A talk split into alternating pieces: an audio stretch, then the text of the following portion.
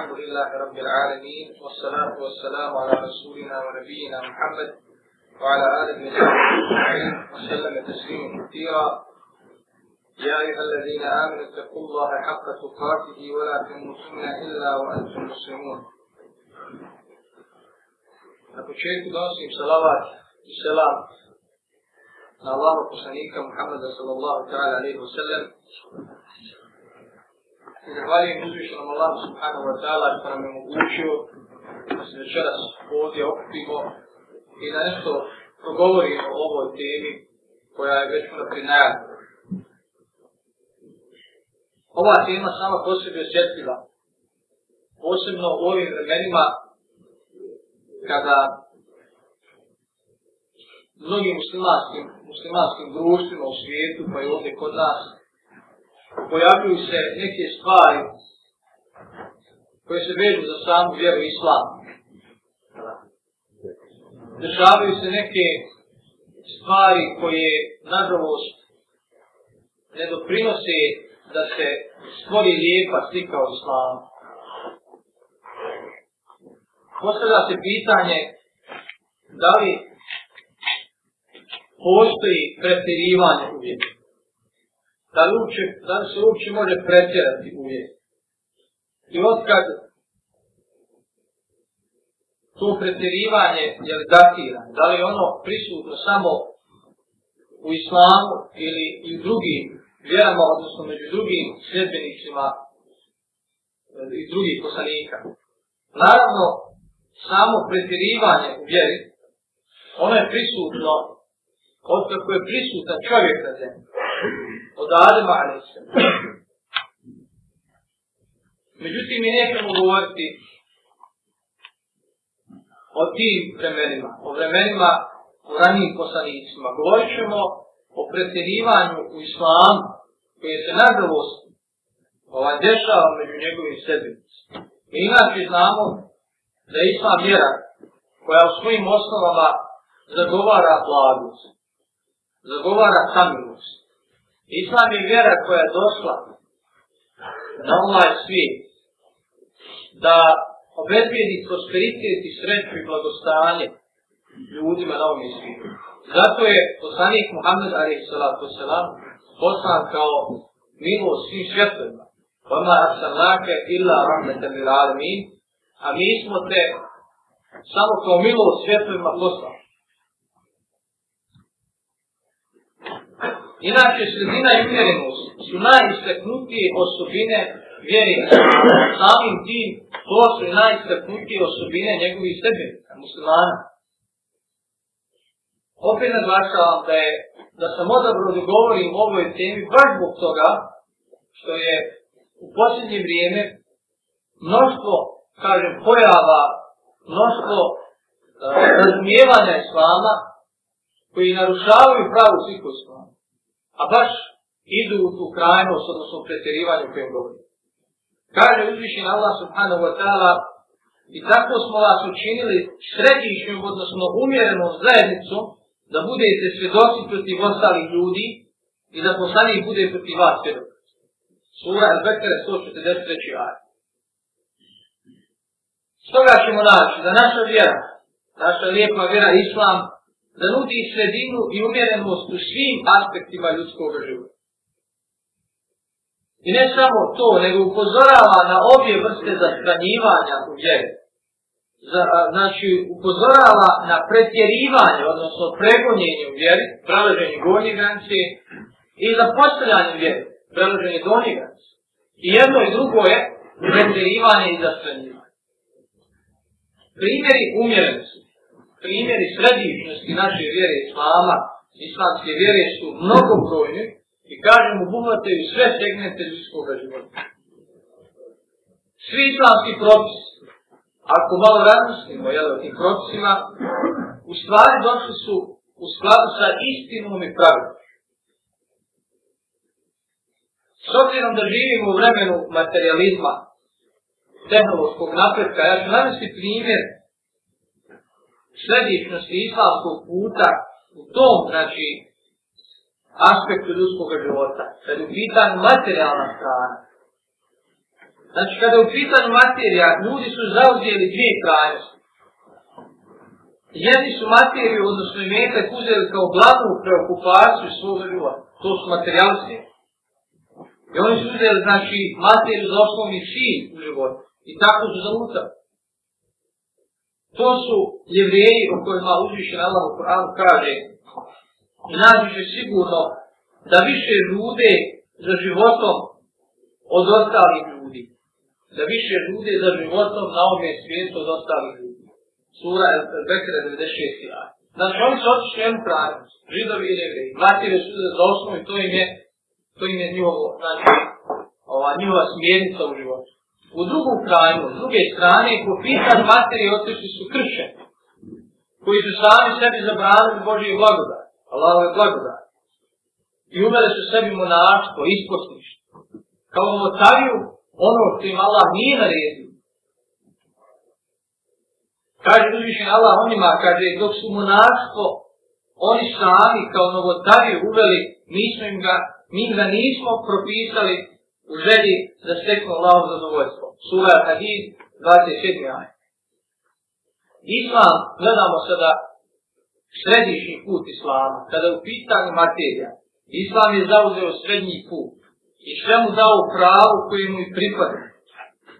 I kaže, uzviši na Allah subhanahu wa ta'ala. I nastoj da time što ti Allah dao stekneš onaj svijet, a ne zaboravi ni svoj udio na ovome svijetu znači o, islam uđi sredinu. I nastoj, znači da time što ti Allah dao stekneš onaj svijet, a ne zaboravi ni svoj udjel na ovom svijetu. Prvo se spominje onaj svijet jer on prioritet. Ali ne zaboravite ni svoj udjel na ovom svijetu. Ne zaboravite Allah je blagodat koju vam Allah dao, radi vas isporio, to je vaše. Dalje kaže uzvišen Allah Zrašanu, ko je zabranio Allahove ukrase? koje je on za robove svoje stvorio i ukusna je. To je još znači, jedan od ajeta koji govori o tome da, da niko nema pravo da zabrani ni sam sebi ni drugome Allahu je blagodati koji je stvorio svoje robove. S druge strane, Islam je zabranio prekomjenu ljubav i zaokupljenu smati. Dakle, znači, dozvolio nam da imamo ovaj, i bogatstvo i da koristimo blagodate ovoga svijeta. Međutim, s druge strane, zabranimo nam je da to bude preokupacija u našem životu. To je druga krajnost, ono što čovjek upropašta, ono što upropastilo e, jevreje, odnosno ono što upropaštava mnoge danas su i muslimane, da su materiju uzeli za svoje božanstvo. Zato uzviše nam vam kaže, a ajd koji nas hodi ka, ka sredini, ka umjerenosti. Ne da nam da, da previše zaborimo materiju ovaj svijet. Pa kaže, znajte da život na ovome svijetu. I ništa drugo do igra, i razum, i uljepšavanje, i međusobno hvalisanje, i nadmetanju i mjecima, i brojem mjecima. Ako razmišljamo o životu, o ljudima, o njihovom ponašanju, vidjet ćemo da je tu u istinu pa. Suština života, crta za imetko, gdje ću zaraditi, gdje ću seći, kako ću kuću napraviti, kako ću auto kupiti, koliko ću sakupiti novca, gdje ću putovati, tako da. Igra i razmaka, crka. To je suština života. Kaže, primjer za to je bileći raz poslije kiše oduševljava za radnike, ono zatim buja, ali ga poslije vidiš požutila, da bi se na kraj spršilo. A na ovome svijetu je teška patnja, je lavo oprat za zadovoljstvo, život na ovom svijetu je samo vanjivo na sve život. ipak nas islam posjeća, odnosno Kur'an nas posjeća. Pored toga što se dozvoljen i metak i blagodar toga svijeta, ipak u odnosu na onaj svijet je Allah ovo oprost i milost. Ovo je samo vadljivo nasađivanje. Vadljivo nasađivanje i ne može se ni porediti sa slastima i blagodatima onoga svijeta. Ovo je bio samo jedan uvod o našoj tijeli. Ja ću sada preći na srž temelja, to je suština islama, kakav je tu islam i zašto dolazi do pretjerivanja u islamu i koji su to osnovni i glavni oblič pretjerivanja je. I moramo se uh, složiti sa činjenicama sa istinom. Uh, muslimani dok ne budu spremni na to, neće moći naprijed, neće moći naprijed. Moramo uh, prepoznati svoje greške, moramo ih znati prelazići i moramo znači steći snagi da priznamo ih. Da ispravimo ih. Ako želimo naprijed. Jer uvijek se moramo zapisati to je osobina pametni odmijeni ljudi ako nam nešto ne ide ako ne možemo naprijed trebamo se zapisati i vidjeti zašto je. Zašto sad kao mjesto, zašto smo ovaj, e, nazadni, zašto smo ovakvi onaj. Ako dublje, znači, promislimo uh, islamske propise, zaključujemo da je vjera islam vjera koja nas prelazi granice, granice ljudske prirode i ljudske moći. Nema ništa u islamu što mi ne možemo. Allah nam nešto redne, mi ne možemo. To ne može. Niti da se, da se toliko mučimo sa propisima islama da, na, da nas to satanje. Da što je sami. Toga nema nije islam takav. Svi islamski procesi su u okvirima, znači ljudske prirode, naše prirode.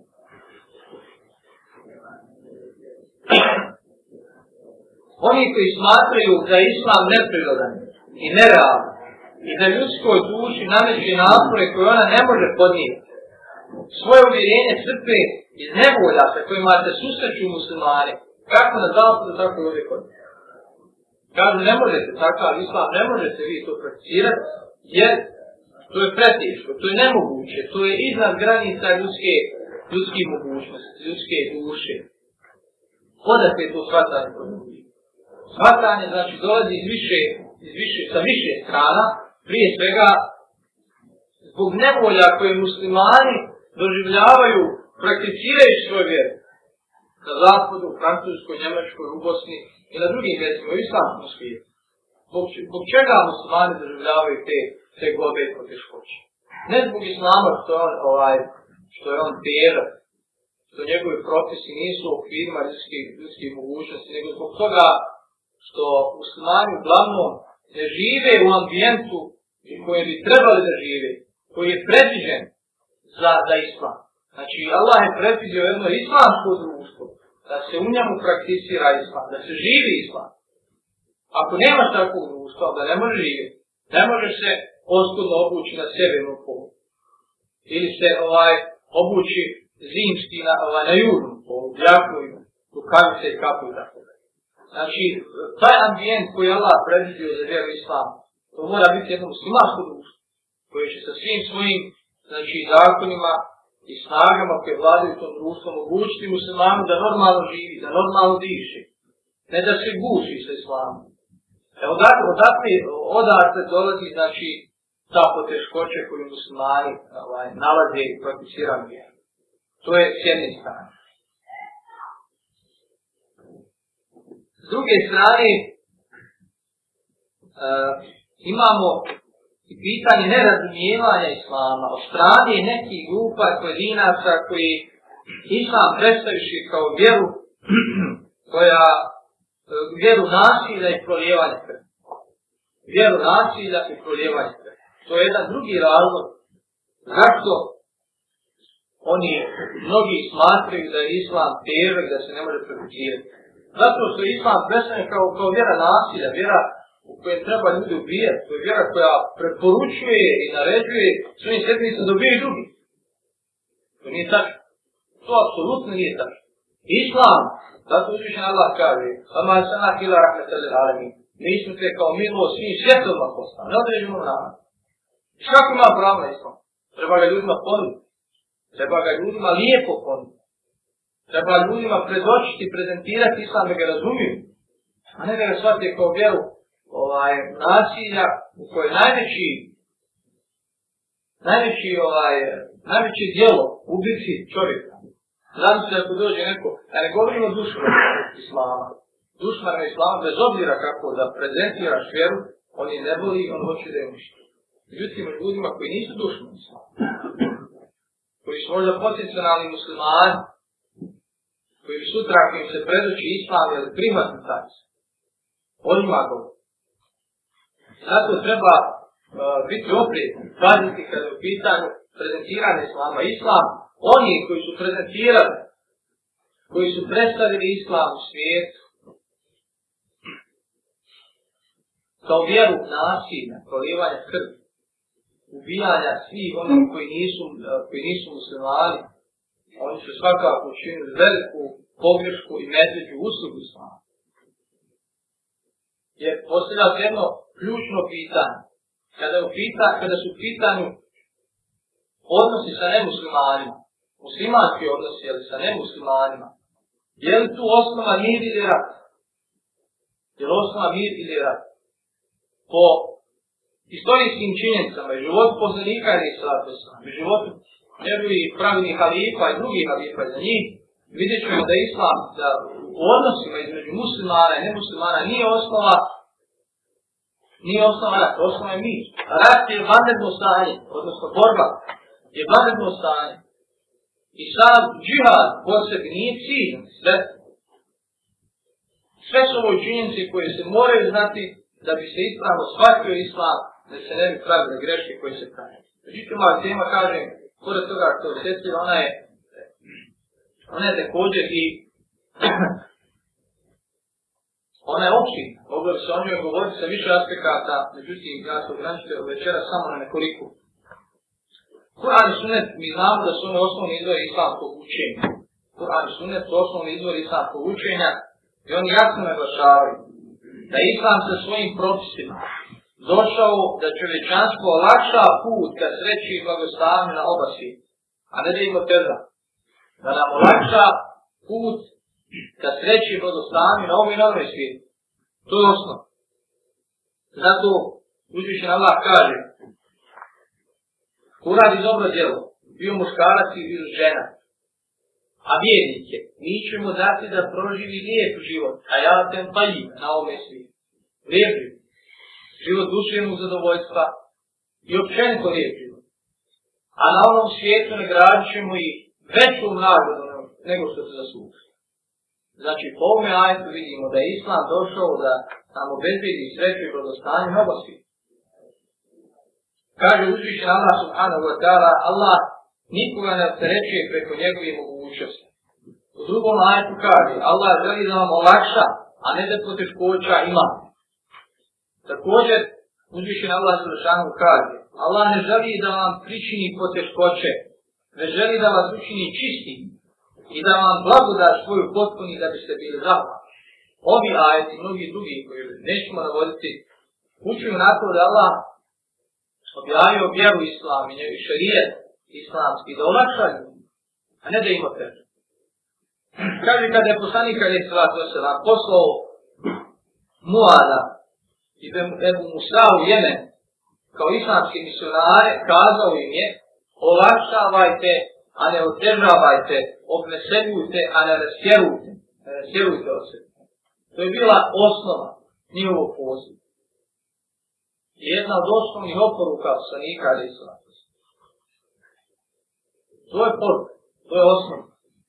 Kaže u drugom adisu poslanika ali sa U, isti, u istinu je ova vjera lahka. Islam je lahka. Kaže, niko se neće nadmetati sa ovom vjerom, a da ga ona neće sa vladom, kad izbježi Buharija i Nesari. Znači, u istinu je ova vjera vanka i niko se neće nadmetati sa ovom vjerom, a da ga ona neće sa vladom.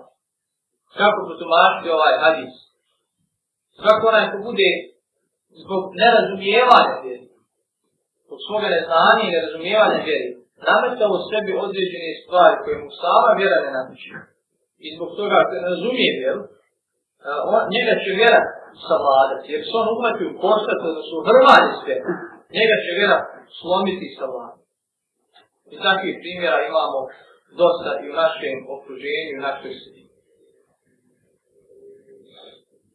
Činjenica je, kada je u pitanju pretirivanju vjeru u islamu, da je ono prisutno još od ranih stoljeća, od prvih stoljeća islama vi možda znate, ali eto ja ću vas posjetiti. Znači, pretirivanje vjera, ono je prisutno, znači, u prvi stoljeća Islama sa pojevom Harija i sa pojevom Šiji.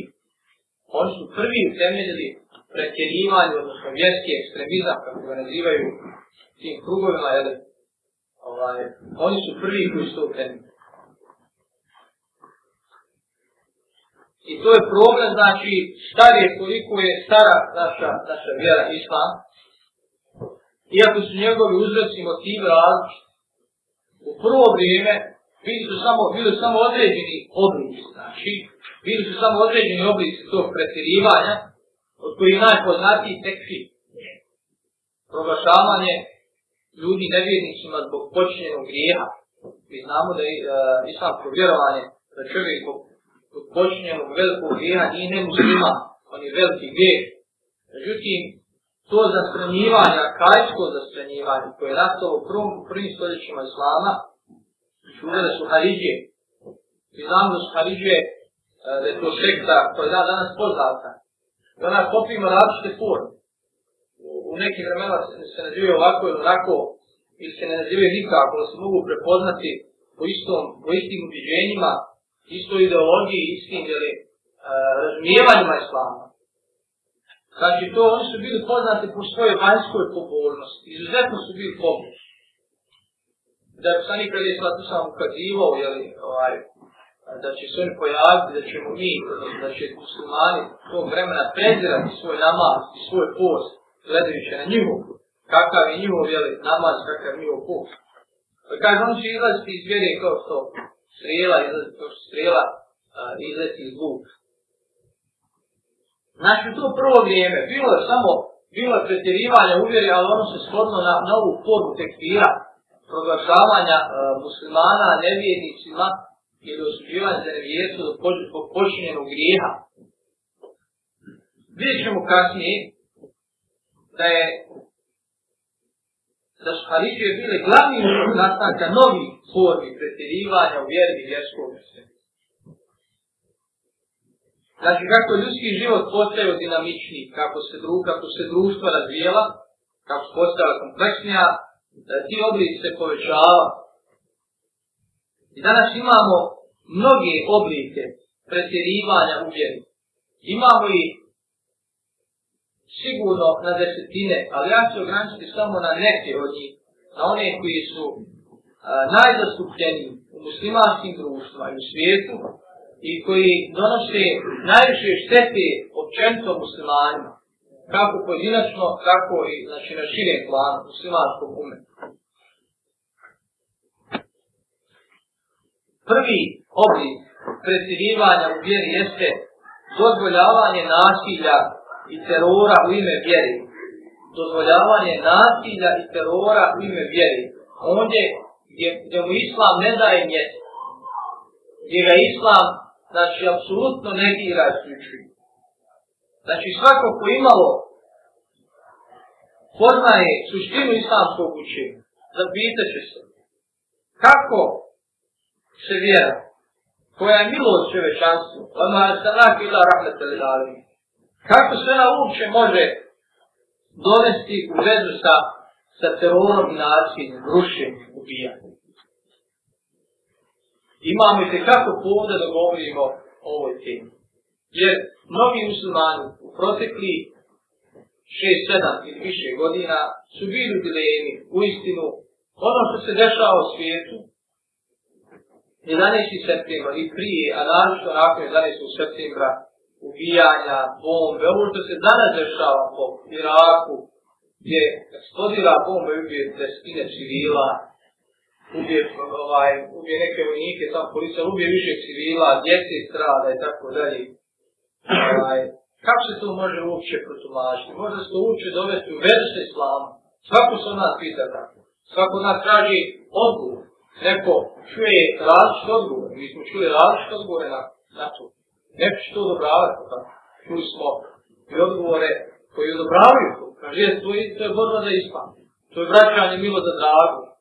Međutim, ako dublje razmislim, ako dublje promislim o suštini islamskog učenja, o tome još smo malo prije govorili, da je islam došlo da uzima malo ovaj, da im otvori put da podostane na ovome svijetu, na onome svijetu, da doćemo u redu, vjerujem doći u nedomislu i kazati kako ovaj, može da islam dozvoljava takva sredstva, neću god se cilju, nego takva sredstva da, da postane cilja. Ja ovom ću da proširim islam na, svi, ovaj, na svijetu, idem u dvije ljudi, idem u sušću zgradu, zato u sušću zgradi, od hiljada stanovnika živi jedan, ne, ne vidi koji treba umiti, umiću njega još, još stotinu, ne vidi, ne vidi ljudi. To logika, to ne može se logički pojmiti. To islam ne može nikako da odobra. Nema to kola kolateralna šteta, kao što kažem. Kao što su druge dobrave, nećemo govoriti o drugom, o nasi s druge strane. To ćemo drugom temu, ja, drugom priliku. Mi govorimo o nasi u pešini muslimani u islamu, u ime islamu. Kako se to može pojmiti? Te trebamo se vidjeti, to sam sebi odgovoriti.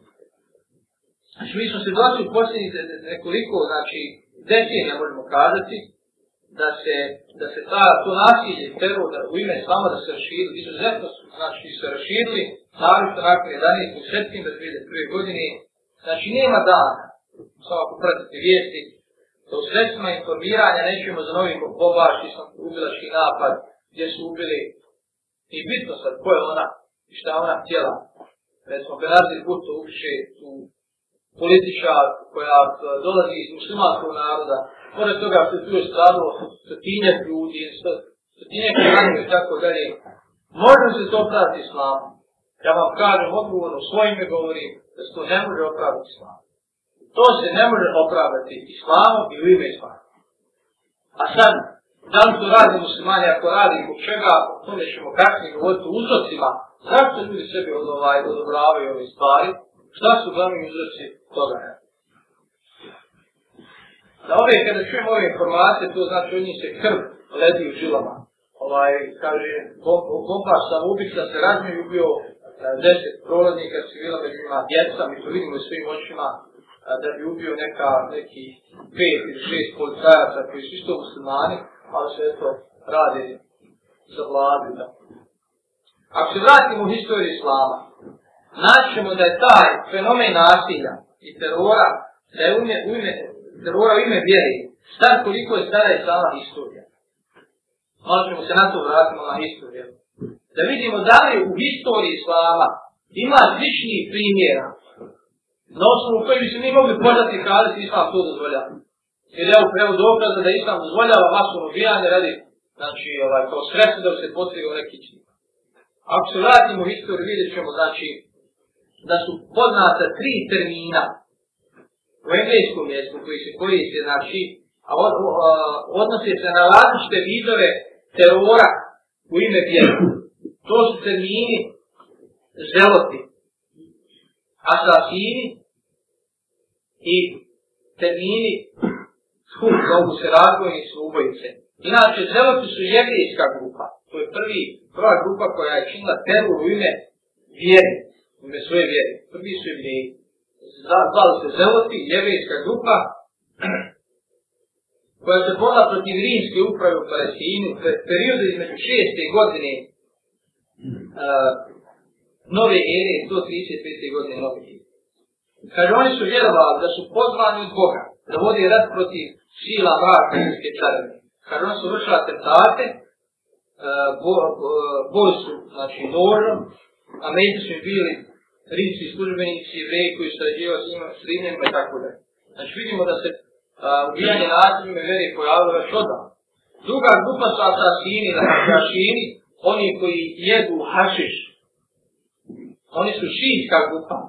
Šiitska grupa Ismailija, Bogdana i Zarija, kaže, koji su bili aktivni u Iranu i Siriji između 1999. godine i 1956. godine. Kaže, pozivali su povlačenju u izolaciju, u izolovana mjesta gdje su po ismailijskom učenju iščekivali Mehdiju. Jel, pasite, kao što ga iščekuju danas muslimani. Kad na putu širenja svoga učenja koristuju nasilje i terorističke metode protiv sunija, evropskih krstača i mongola, jedan od znači, centralnih koncepata nezavijskog učenja je fida, odnosno žrtvovanje vlastitog, vlastitog života za nekog drugog. I treća skupina, za koju se u historiji veže e, vjerski, vjersko nasilje su subsi ili oni koji znači, na našem mjestu e, znači prevaranti ubeji se, kaže, oni su bili članovi tajne organizacije obožavatelja Božice Kali, hinduskog simbola terora i razdavanja. Ovo ukratko, ovo tri skupine u historiji koje su koristile nasilje u ime vjerenja. Nijedna od njih naravno nije bila na pravom putu, bili su duboko zavodni. I vidimo da u historiji općenito vjeri ne bi ovaj, nije postojalo nešto što se zove nasilje u ime slava. Nasilje u ime slava. Islam je sam posebi e, vjera milosti, vjera posvjetljeta i opet se vraćamo na ono prvo sam govorio. Znači vidimo da u historiji nije bilo ovaj, nasilja kada u pitanju istorije slava, nije bilo nasilja u ime vjere. Tek krajem 70. godina pojavljuju se grupe koje su ime vjere, ono su ime vjerskih ciljeva, ime slama, koristili metode nasilja i terora.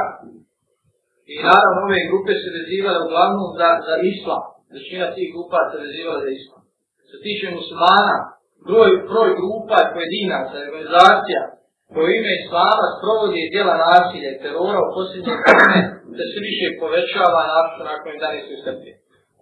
To je jedno, jedno goruće pitanje, jedan vrući krofir koji je ovaj, na koje mnogi e, ne mogu ili ne znaju da daju odgovor i najveći autoriteti današnjice e, kad u pitanju ovaj problem vrlo često ne daju otvorene odluke. Šta su uzroci faktori uh, religijskog, odnosno vjerskog terorizma i nasilja? Brojni su faktori koji su direktno ili indirektno utjecali na pojavu nasilja i terora koji se poziva na vjeru. S obzirom, znači, da je tema dala posebno uopće i da ovdje nasi samo neke faktore. Prvo, neuspjeh vladajući elita u islamskom svijetu da izgrade države e, koje kojima će vladati pravo, koje će biti znači e, države e, pravde. To nisu znači uspjeli sam to svijet, to su nisu htjeli da to napravi. Drugo, jačanje tekvijskih ideja među znači islamskom omladinom i širenje naravno tih ideja u svim krajima islamskog svijeta. I treći uzrok je američko savjetnička invazija na Afganistan, Irak i druge muslimanske zemlje. To su znači direktni uzroki nastanka nasilja koje se čini u ime islama. E, drugi vid, odnosno drugi oblik pretirivanja uvjeri koji se ne veže znači za nasilje, veže se sasvim nešto drugo, to je idealističko gledanje na društvo idealističkog gledanja društva. Znači jedna od prepoznatljivih osobina grupa i pojedinaca koji zastranjuju bez vjeruju uvjerenje idealističkih pogled na društvo. Takvi vjeruju da jedno muslimansko društvo mora biti društvo meleka koji ne čine ni velike ni male vjere i u kojem vlada samo dobro, ljubav, jedna sveopća pokolnost Allahom i predanost sve, bez ikakvih propusta i stvar. Nažalost, kod mnogi nas često se nađe jer ovo idealističko gledanje na društvo, mi bi svi željeli da imamo jedno takvo društvo koje vlada dobro, moral, čestito, svi ljudi dobro su man, međutim to je, to je, ne, to je jedna utopija. To je jedna utopija različno i pozni vremen. I do čega dovodi ovaj, ovako idealističko gledanje? Vidjet ćemo da dovodi do očaja, beznadža i do posvjedanja za određenim metodama koje, znači, da bi se ubrzala stvar da bi se ovaj, donio hajr islam, ovaj, ljudi posjeđu za nekim metodama da bi preko neći promijenu svijet. Ako se ipak u društvu znaju prijeci i prijestupi, onda tako društvo nije islamsko, nego džahrijesko ili bezbožničko i tako da.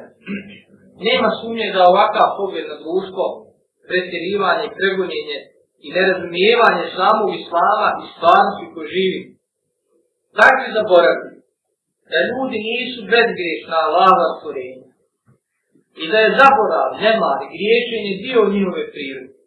Znači ne možemo očekivati od ljudi da budu veliki. Griješenje, zaborav, nema, posustajanje, to je dio naše prirode, to je normalno. Kaže, poslanik Ali Islatu sam je rekao, svi ljudi griješe, a najbolji griješni su oni koji se često kaju. U drugom Adisu je također rekao, kada ljudi ne bi griješili, Allah bi stvorio druge ljude koji bi riješili kajali se. Kaže, a ja bi im opraštao, to se Allah bi im opraštao. Ne smije se zaboraviti da su grijesi i griješenje bili prisutni čak i među najboljim srbenim islam. Ovaj, islama, to je među, među ashabima poslanika Muhammeda ala islama. Oni su bili najbolja generacija svih vremena. Kaže poslanik ala islama, najbolji od vas su oni moja generacija, zatim oni što slijede, po pa njih što slijede nam. Znači oni su bili najbolja generacija. Stoga su nam jedan ili nekoliko primjera hadisa koji nam potvrđuju da su se među ostava dešavali i veliki grijezi, kao što su ubijstva, su bijeli jedni, kao što je mu, kravlja, kao što je pijenje alkohola i drugi. Ovo ne govorimo da sad kažemo da je neko nepogrešno svakljeno, da je to normalno, to su bili grijesi i onda i danas su grijesi. Ali kažem da se dešava, bilo je slučajeva da se dešava, i mlač, i krađa, i svakne. Kaže, kada je poslanik, o, jedan od tih primjera, sljedeći, kada je poslanik, kada je svakio sam, obavijestio sade, o Israu i Mirađu, mnogi su se odmetnuli od Islama i kazali, ovo je, tako nam Allaha jasno, tako nam Allaha Kaže, kameli od Mekije do Šava je potrebno mjesec, mm-hmm. odlasku, mjesecu, povratku. A Mohamed tvrdi e, da je tu razredno prešao jednoj noći. Tada se, kaže, mnogi odmetnuli od Islama. Ovo je, znači, iz e, djela Kometru Golub Fidi. E, Kaže mu Hrera djela da je jedan čovjek od muslimana došao Allahu poslaniku, ali se nam da se nam neći i rekao Allahu poslaniće, ja sam učinio bud. Otvorenom priznao, učinio sam bud. Poslanik se okrenuo od njega, kaže ovaj čovjek se okrenu prema njegovu licu i ponovno mu reče Allahu poslaniće, ja sam učinio zinalu ili bud. A poslanik se opet okrenuo. Čovjek to isto ponovi četiri puta. Pa kada je četiri puta priznao protiv sebe, posvjedočio, poslanik ga je pozvao i pitao je li pri tebi ludilo, odnosno jesi li normalna, pa a on je odgovorio jesam normalna sa lavo poslanik. Kaže, jesi li oženjen? Upite ga poslanik. Da, odgovor, odgovor je on. Poslanik zatim reče, vodite ga i kamen, odnosno izvršite širijesku kaznu. Znamo da je ovaj, za oženjenog kazna kamenovanje, znači do smrti, ako počne. Ovo je drugi primjer. Kad također se prenosio debu Urejna Djelambu da je rekao poslaniko je doveden jedan čovjek koji se opijao, a poslanik reče kaznite ga. Kaže mu Urejne, neki od nas su ga udarali rukama, neki obučio, a neki odječio. Kada je ovaj čovjek otišao, neki ljudi rekoše Allah ga ponizio. A poslanik reče ne govorite tako, ne pomažite šeitana protiv njega. Što znači, je primjer da su neki bili, da su piju, da su neći da piju. Također da je Buhreri, jer znala se prenosi da la, al, a, da je Allah poslanih sallallahu alaihi sallam jedne prilike prošao pored gomile hrane. Je zavukao je svoju ruku. Ona, to je bila pšenica. I našao da je, da je ona glazna. Šta je ovo glazna? Če hrane upiti. Kaže on odgovor, malo je potiskao. Allahu poslaniče. Kaže, a zašto to nisi stavio na vrh, da ljudi vide, to si to stavio dole, tako? Upita, upita ga poslanik i dodade, kaže, ko para nije rna, ovo je prvo, koji se često navodi, en kaže na felejse, minna, ko para nije od nas, je, na našem put, taj čovjek je stavio mokru, mokru dole, da se ne vidi varo, to što to da ne čije istorije naprijed dobar paradajz iz Afrike, iz Bože Kovrće, ono se ne valja, sam je dobro. I lagaju li. Znači sve smo primjeri koji su bili ovaj, prisutni u društvu i vremenu poslanika, jer sada to se nam govori, da je tijeto zamisliti očekivati jedno idealističko, jedno idealno društvo, da je idealno društvo i nema griješenja. Ja ne govorim, ne želim time opravdati u naše stanje, znači naravčenih naših društva, Ali ovo je jedan, jedan od vidova pretjerivanja u vjeru. Jedan od razloga zašto ljudi ovaj, dođu u situaciju bez nađe i očaja više. Ne, ne vidi ovaj, svijetu budućnost za islam. A uvijek treba biti optimista, uvijek gledati svijetu budućnost. Treba obići ona mjesta gdje su ljudi pokude Allah. Džamije, mjesta gdje su ljudi okupljaju. Pa nam to da ne ovaj optimizma i nadi da uistinu svijeta budućnost pripada pripada islamu i muslimanima. I treći vid s njim ću završiti ovaj, eh, jeste pretirana strogost prema sebi prema ljudi. To je jedan vid eh, pretirivanja u vjeri koji je eh, često prisutan kod muslimana, pretirana strogost i prema sebi i prema ljudi da naravno među e, današnjim muslimanima možemo naći primjere pretjerane strogosti kako prema sebi, tako i prema drugima, odakle dolazi ta strogost, vidjet ćemo je kasnije, uglavnom dolazi zbog nerazumijevanja islama, zbog e, stavanja svih propisa, odnosno guranja svih propisa u jednu žaku, jer nije sve na istom stupu obaveznosti. Vi znate da ima nešto u islamu što je, što je e, farz, odnosno što je važni pobore, da ima nešto što je vredu, nešto što je mustehat pohvalno, ima nešto što je haram, čisti haram, ima nešto što je sumnjivo, ima nešto što je pokuđeno, tako da ima nešto što je dozvoljno, što je mubano. Ako sve te stvari guramo jednu, rećemo da smo napravili tuđi ključ. I onda se sve što dešava. Za sebi nametimo stvari koje nam islame nameći, nisu obavezan, mi se, mi se opretili time ili da natovarimo na sebe jedan veliki teret, a ne možemo ga ponijeti. A u tom teretu ima jednoga što možemo ostati, što možemo odbaciti, odnosno staviti po strani. I onda umjesto da sebe vašamo, i guramo, guramo i ne dođemo do cilja, taj nas teret slomi, slomi nas, ne uspije. Posebno ovim eh, vremenima kojima mi živimo. Ove stvari se moraju poznavati. I onda ćemo napraviti smrtu i svome razumijevanju slama i u razumijevanju slama kod naše porodce i naši ljudi, naši ova, prijatelja koji nas kružuju i tako da. Naravno doći tu do različitih posljednica. Zbog toga ja se vraćam opet na, na ovaj, na suštinu islama, a to je da čovjek robuje Allahom, da mu ne čini širk, da se kloni onoga što islam strogo, strogo ovaj, zabranjuje, to je suština islamskog učenja, suština islama. Da čovjek robuje Allahom na računi širk, da izvršava Allahom da stroge naredbe i da ovaj, zakoni njegovi strogi za. To je u jednoj rečenci islam. Kao što je sani kada islam to sam pojašnjavao o sahabima i pojedincima, koji su dolazili iz kusnje i govorili, lao poslaniće, kaži mi, šta je to islam? Jer nema vremena više dolazite. Ja sad došao da mi kažu kako ću do dženeta. Kaže, vjeru Allaha, klanja namaz, posti, daj zekija, tobe i hađu. Kaže, samo to, samo to. Kaže, ja neću više ništa, ni dodatni bude. A kaže, poslanik Ali Isla Tosla, ako bude iskan što mi je kazao, više ostalo nikad je nadi.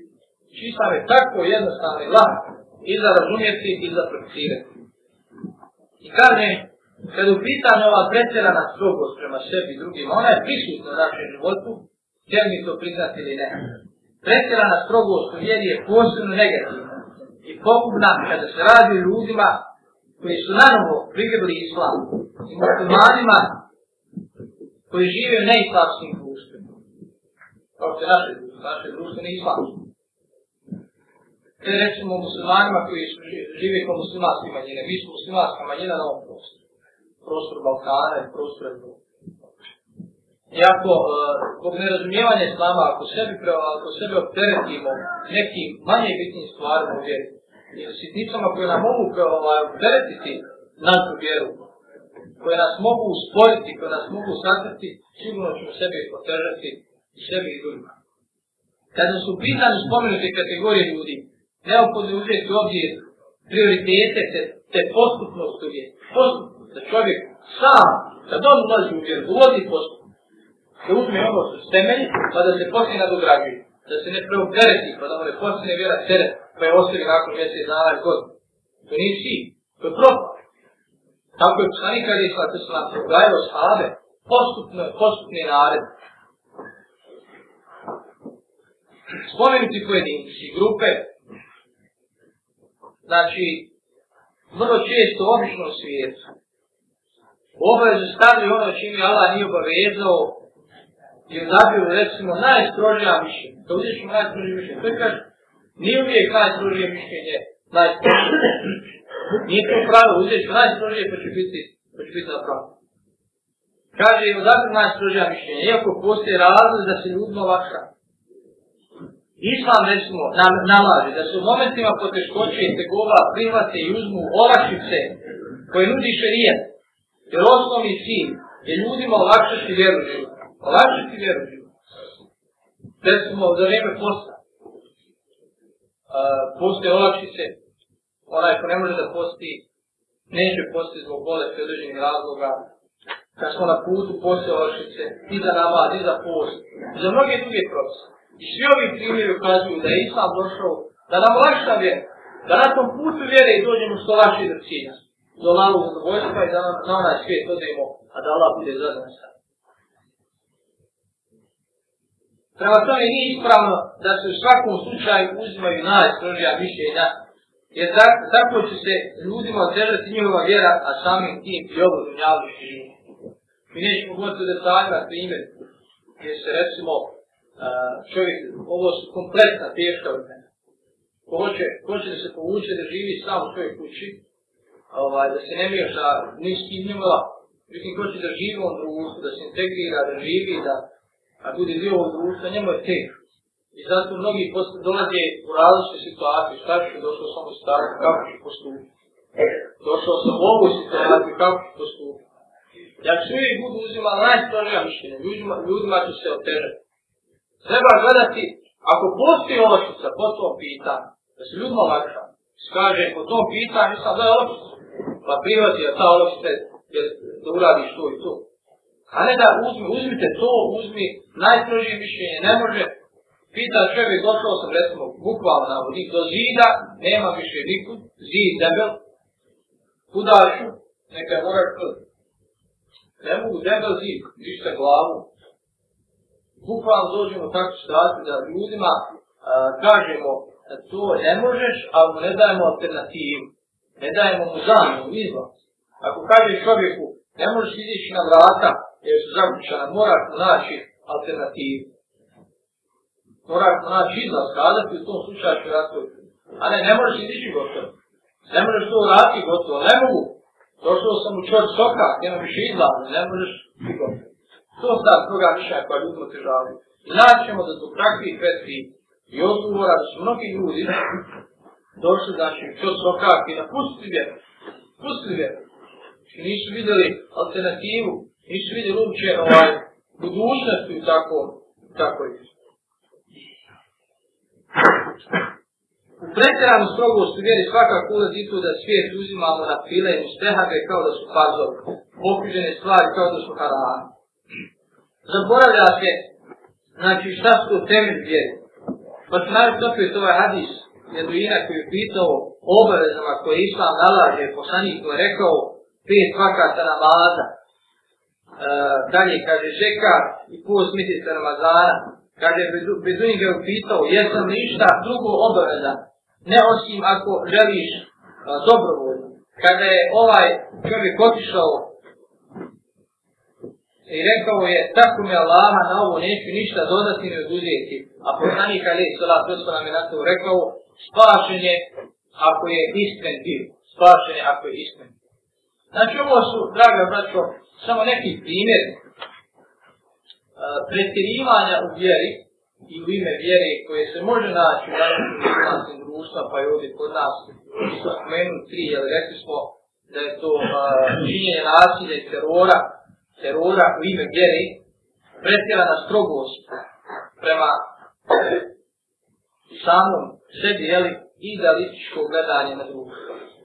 Imamo i druge primjere, kao što je e, primjer tekfira, koji je posebno u zadnje nekoliko godina aktualan na našim prostorima, gdje se muslimani neselektivno proglašavaju nevjernicima zbog određenih postupaka. Ne uzmeju dobi, jer su se ispunili svi uvjeti da se da, se da nekoga kaže da je nevjernik, I to su pojave, vjerujte, samo malo dublje razlike od njima, koje i se kako mogu nanijeti do na štetu i slavu Osmanu na ovim prostorima. Smutnju koju nema kraja. Mogu napraviti smutnju koju nema kraja. Da, da se muslimani međusobno ovaj, obtužuju, proglašavaju nevjernicima. I do te mjere da se počnu ubijati. E to je vrhunac smutnje. To je vrhunac smutnje kad se muslimani između sebe počnu ubijati nakon toga još nema sumnje. I opet sad na kraju ću ovaj, se osvrnuti na uzrok. Šta su uzroci pretirivanja i zatvrenjivanja? Prvi uzrok je neznanje, džehl. Džehl koji ima različite svoje forme. Nažalost, danas mnogi pojedinci, običan musliman, sad su sad potpuno predavljanje pročita uh, desetine knjiga i pomisli da je, da je učen i da zna. Počne razumijevati vjeru na svoj način, pomažiti vjeru na svoj način i naravno sprovoditi takvu vjeru ovaj, u svom okvirenju i napravi ljudsku ličku.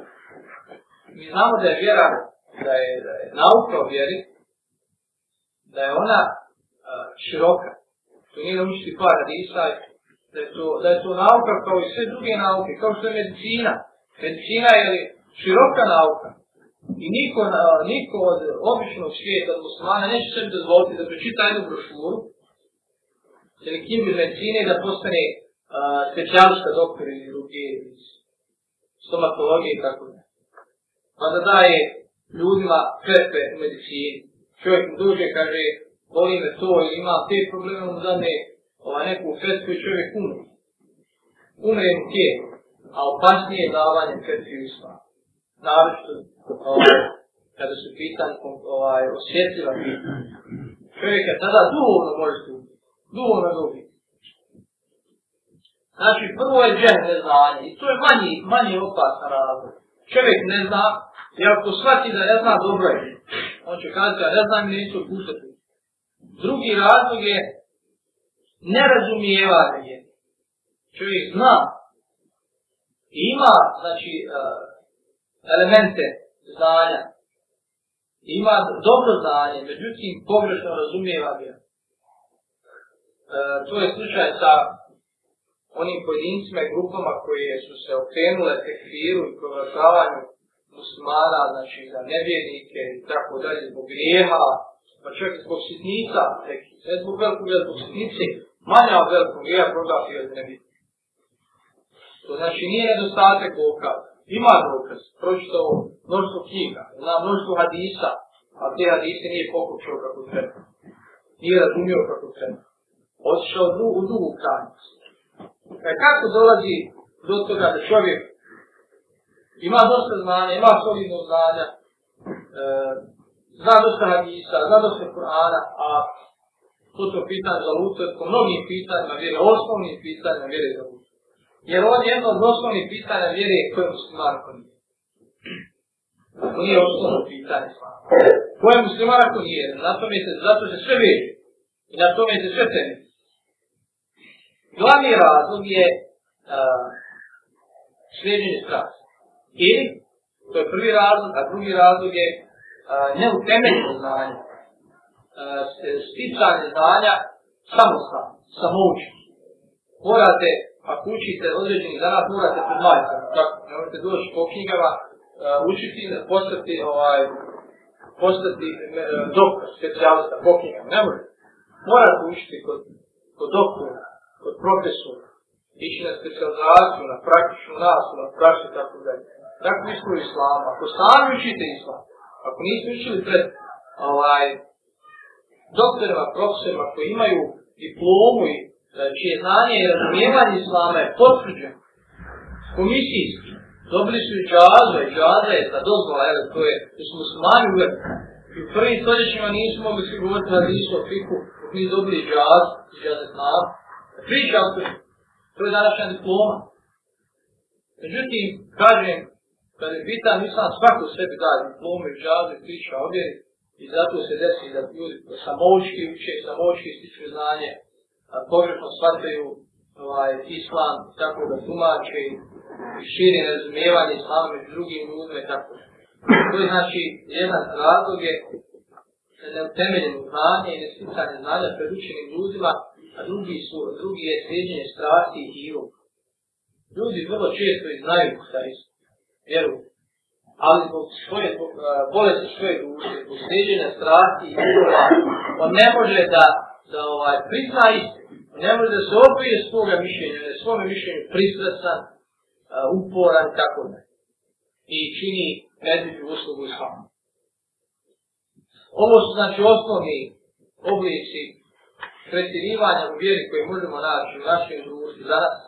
I ovo su osnovni razlog tog pretjerivanja, kažem, ponovit ću, prije svega to je džehl, odnosno neznanje i nerazumijevanje vjeri, a nerazumijevanje vjeri se dešava zbog sljeđenja strati i vjerova i zbog neutemeljenog skisanja znanja pred učenim ljudima. Znači, znanje koje nije sistematsko. Ja mojim učinima Allah subhanahu wa ta'ala da nam ove smuke koje smo proveli ovdje upiše stranice naših dobrih djela i da nam omogući da ispravno uh, stičemo znanju o vjeri i da ispravno razumijemo vjeru, jer to je a, sigurno glavni razlog sreće i na ovome i na ovom islu. Kul kao je Adal, Sarkurva, Iver, Kofestat, Peru, Inna, Ugole, Pura, Inna, Sarkurva, Nagradi, što ste lijepo slušali.